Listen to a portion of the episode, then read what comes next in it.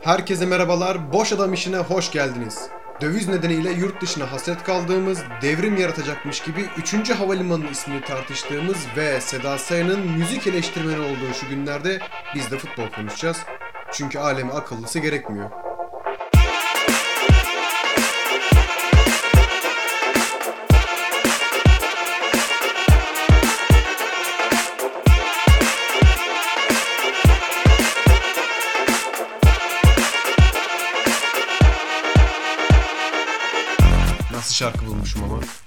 Vallahi Balkan'ın köpeğiz ya.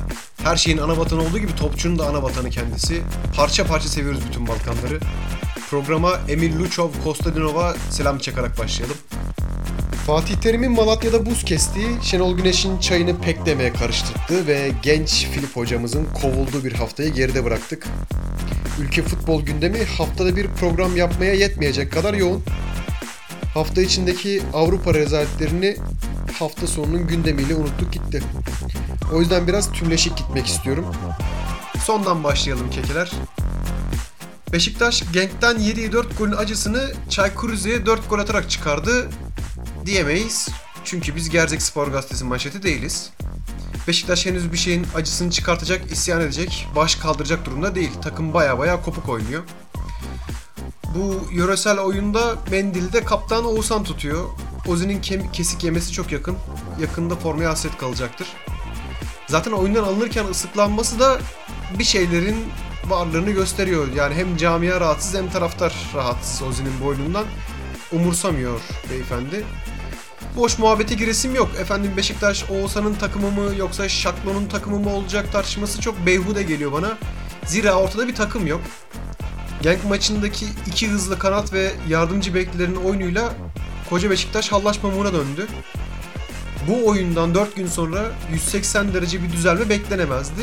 Olmadı zaten sadece makyajlandı. Yani Rize Spor'u 4-1 yenerken 10 kişi rakibine karşı 2-1 yenik galip duruma düştüler. Yani bir gol yediler 2-0'dan 2-1 oldu. 9 kişi kaldıklarında neredeyse 2-2'ye gelecekti maç.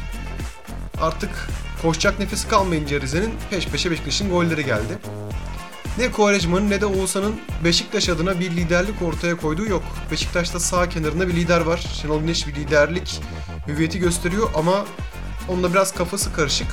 Esas sorun sahanın içinde bir komutan olmayışı. O efsane sezonda Atiba'nın devrimci bir liderliği vardı. Sonraki sezonda Talişka'nın Güney Amerikalı bir liderliği vardı. Beşiktaş'ta son bir buçuk sezondur bu meşaleyi yakacak kimse yok. Ben ısrarla bu sorumluluğun yavaş yavaş Laiç'e yüklenmesi taraftarıyım. Sırbistan'ın Diyarbakır diyeceğimiz Novi Pazar doğumlu bu militarist kardeşimize vur deyin vursun kır deyin kırsın. Öyle bir abimizdir. Şakası bir yana Beşiktaş'taki bu savrukluğu savrukluk daha doğrusu geleceğini karartmaya başladı. Yani önünü göremiyor artık Beşiktaş. Çünkü 3 gün önce oynadığı oyunla 3 gün sonra da sonra oynadığı oyun veya bir sonra haftaki oynadığı oyun birbirini tutmuyor. Taraftarın öfkesi gün geçtikçe artıyor. Ama şiddet daha adaletli dağılıyor. Bunu söyleyebiliriz. Yani doğru adreslere yöneliyor taraftar. Başta Fikret Orman'a büyük eleştiri var.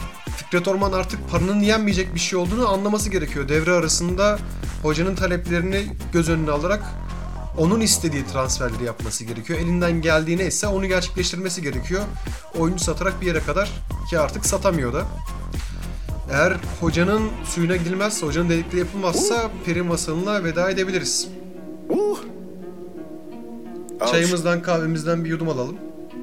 Yeah. Bir de şöyle bir zencili şarkı koyalım şuraya. Evet.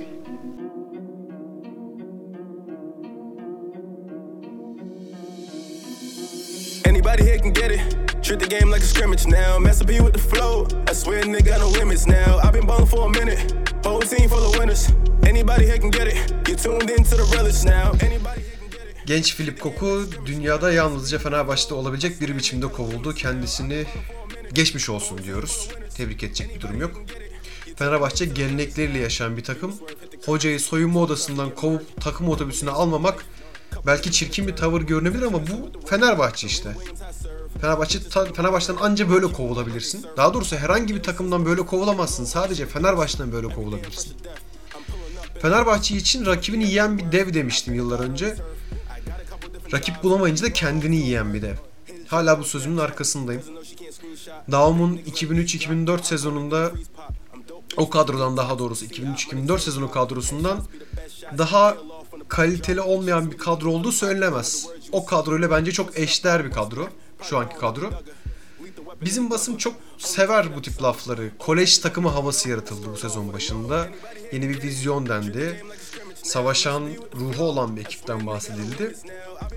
Her şey iyi gidiyordu. E, savaşılan bir rakip de yoktu. Gerginlik bitmişti. Mahmut Uslular artık yoktu. Hop bizim dev başladı kendi kolunu bacağını kemirmeye. Her maç ayrı bir travma yaşadı Fenerbahçe. Halıya sarmalar, damdan atmalar derken Filip Koku belli ki biraz da korktu, yeri çekildi. Bu kavgaya, gürültüye, bu jungle'a gelemedi. Gel gelelim burası bir Hollandalı için fazla vahşi. Yaramadı bizimkine, kan tutmadı. Ayrılındı. Herkes doğru zaman mı, doğru zamanda mı kovuldu? Ee, bu Komolli ne iş yapar? Efendim Ali Koç adam mıdır diye tartışırken aslında olan Fenerbahçe'ye oldu. Ligin dibine demir attılar diyebiliriz. Koca Fenerbahçe bu hallere geldi. Ben lafı çevirmeyi çok sevmem. Koku gitti. Şimdi kim gelecek?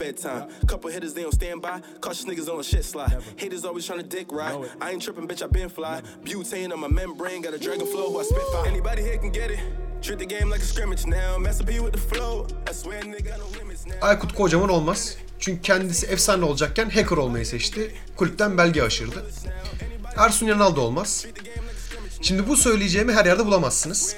Yani ben söyleyenlerin yalancısıyım. Birçok ağızdan da bunu duydum. Kulüp içinden de bunu duymuştum. Hikaye şu. Ersun Hoca'nın kovulmasına neden olan şey tesislere hanım arkadaşlarını getirmesi falan değil. Komisyonculuk. Özellikle Türk oyuncuları üzerinde kendi menajerleriyle çalışması için baskı yaptı ve o e, bazınız hatırlar arka beşli diyeceğimiz o volkanların bulunduğu Türk tayfasının son derece rahatsız ettiği, bu rahatsızlığın da yönetime kadar götürüldüğünü biliyorum. Ondan sonrasında ise Ersun Yanal'la sezon, sezon daha başlamadan yollar ayrıldı. Zaten gitme şekli de derin CHP gibi kokuyordu. Ya bir ülkede bir teknik direktör ses kaydıyla gider mi? Oyunda 25 Aralık'ta oldu bu. Watergate'de oldu. Yani benim bildiğim ses kaydı bu tip durumlarda olur. Yani devlet işlerinde olur. Futbol takımısın lan sen. Bir küçük yaşa. Tamam Fenerbahçe kendi içinde büyük bir camia falan da ses kaydıyla hoca mı gönderilir? Fenerbahçe'nin bu, bu, bu yüzden gittiği görüldü Ersun Yanal'ın. Yani işte hanım arkadaşlarını kulübe getirdiği işte ses kaydındaki ifadeleri aslında bunların hiçbiri değildi. Yani günah benim boynuma Ersun Hoca'nın komisyonculuk hikayesi ağır midesini bulandırıyor Ali Koç'un. Yoksa top oynatır mı toz attırır alimallah. Adam büyük Fenerli. iyi de hoca ama Ersun Hoca da olmaz. Geriye bir Leonardo Hardim kaldı. Hardim Hoca'da bir Fenerbahçelik var aslında. Yani Fenerbahçe'nin genlerine o kaosa biraz uygun. Şimdi Monaco'da bu adam 3 senede 300 milyonluk satış yaptırdı. Üstüne üstlük bu satışları yaparken yani kadrodan feragatlerde bulunurken takım çok iyi top oynadı. Şampiyonlar Ligi'nde yarı finalleri gördü. Ama hocanın sabıkası biraz tuhaf. Hoca bundan önceki takımı Olympiakos'ta ligde namağlup giderken başkanın karısıyla yattığı için takımdan kovuldu. Ayrıca Portekizli. Yani referans alacağı pek çok insan var. Ben Fenerbahçe'ye geleceğimi pek düşünmüyorum. Keşke gelse büyük olay çıkartır. Bizim basında gerçi bayağı kafasını yer hocanın. Arada Laurent Blanc diyenler var. Yani arkadaşlar net söylüyorum. Saffet Suç büyüktür. Laurent Blanc kötü hoca. Umarım gelmez. Yani bunu tartışmak bile abes olur. Saffet Suç'un hakkını yemeyelim. Elde Allah'ın aslanı Kemal Özdeş kalıyor. İnşallah Kemal hocam gelir. Hem artık buraları çoktan hak etti Kemal Hoca. Çok ciddi bir teknik ve taktik altyapısı var. Bence artık liderliğini de sergilemeye başladı. Fenerbahçe ben futbol bilgisiyle çok şey katacağına inanıyorum. Kemal Hoca'nın plasesi de Tayfun Korkut olur diyebiliriz.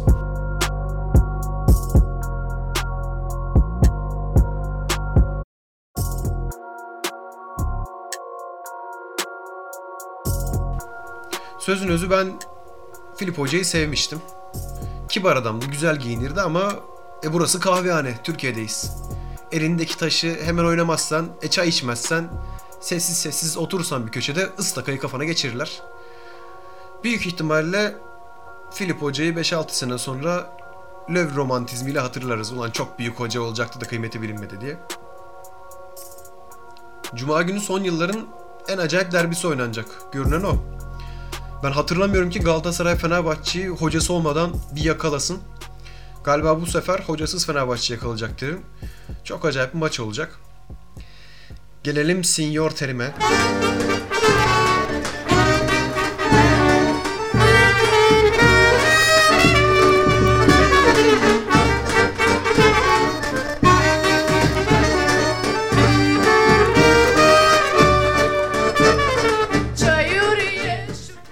Vallahi Terim'i bu güzel havalar mahvetti. Galatasaray son iki haftadır sakatlıklarla boğuşuyor.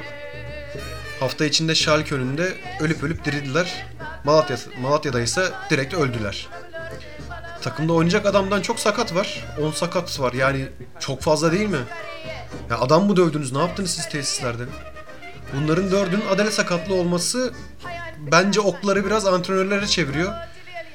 Terim işler daha kötü gitmeden tesislere bir el atmalı. Hele ki Fenerbahçe'yi böylesine iflas, iflassız yakalamışken bu şansı kaçırmamaları gerekiyor. Takımda hocanın tercihlerini eleş ya takımda daha doğrusu hocanın tercihlerini eleştiremeyecek kadar çok sakat var. O yüzden Malatya yenilgisi çok da üzerine konuşulacak bir yenilgi değil. Yani penaltı yaptıran Ozan'a laf edilir mi? Edilmez. Formu düşen Mariano'ya da çok laf edilmez. Ha illa birine laf edilecekse bence bu edilecek kişi Sinan olur. Yani Sinan'ı düşündükçe sinirlenmemek mümkün değil. Yani baştan aşağı yetenekle kuşanmışsın. Tamam birazcık körelmişsin. Ama idmanlarda kendini biraz bile eylesen böyle ülke ihracatına katkı sağlayacak paralara Avrupa'ya gidersin. Ama beyim sahada yürüyor. Ya biraz istese, biraz şu topu arzulasa çok çok büyük topçu olacak, çok da katkı sağlayacak Galatasaray ama yarı ölü gibi geziyor sahada. Galatasaray hakkında daha kesin sözler söyleyebilmek için bu sakatların iyileşmesi gerekiyor çünkü neredeyse oynatacak adam kalmadı. Onların formunu değerlendirebiliriz ancak. Haftayı son, sonlandırmadan bir duyuru yapmak istiyorum.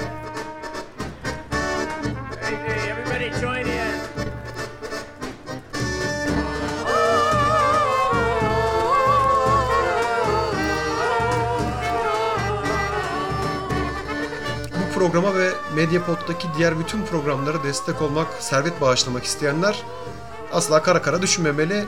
Patreon üzerinden bize destek olabilirsiniz. Siyasetten edebiyata, güncelden teknolojiye pek çok içeriğe erişebilirsiniz. Beni okutup PR'cı yapacaklardı ki. Neyse. Herkes kendine çok iyi baksın. Görüşmek üzere.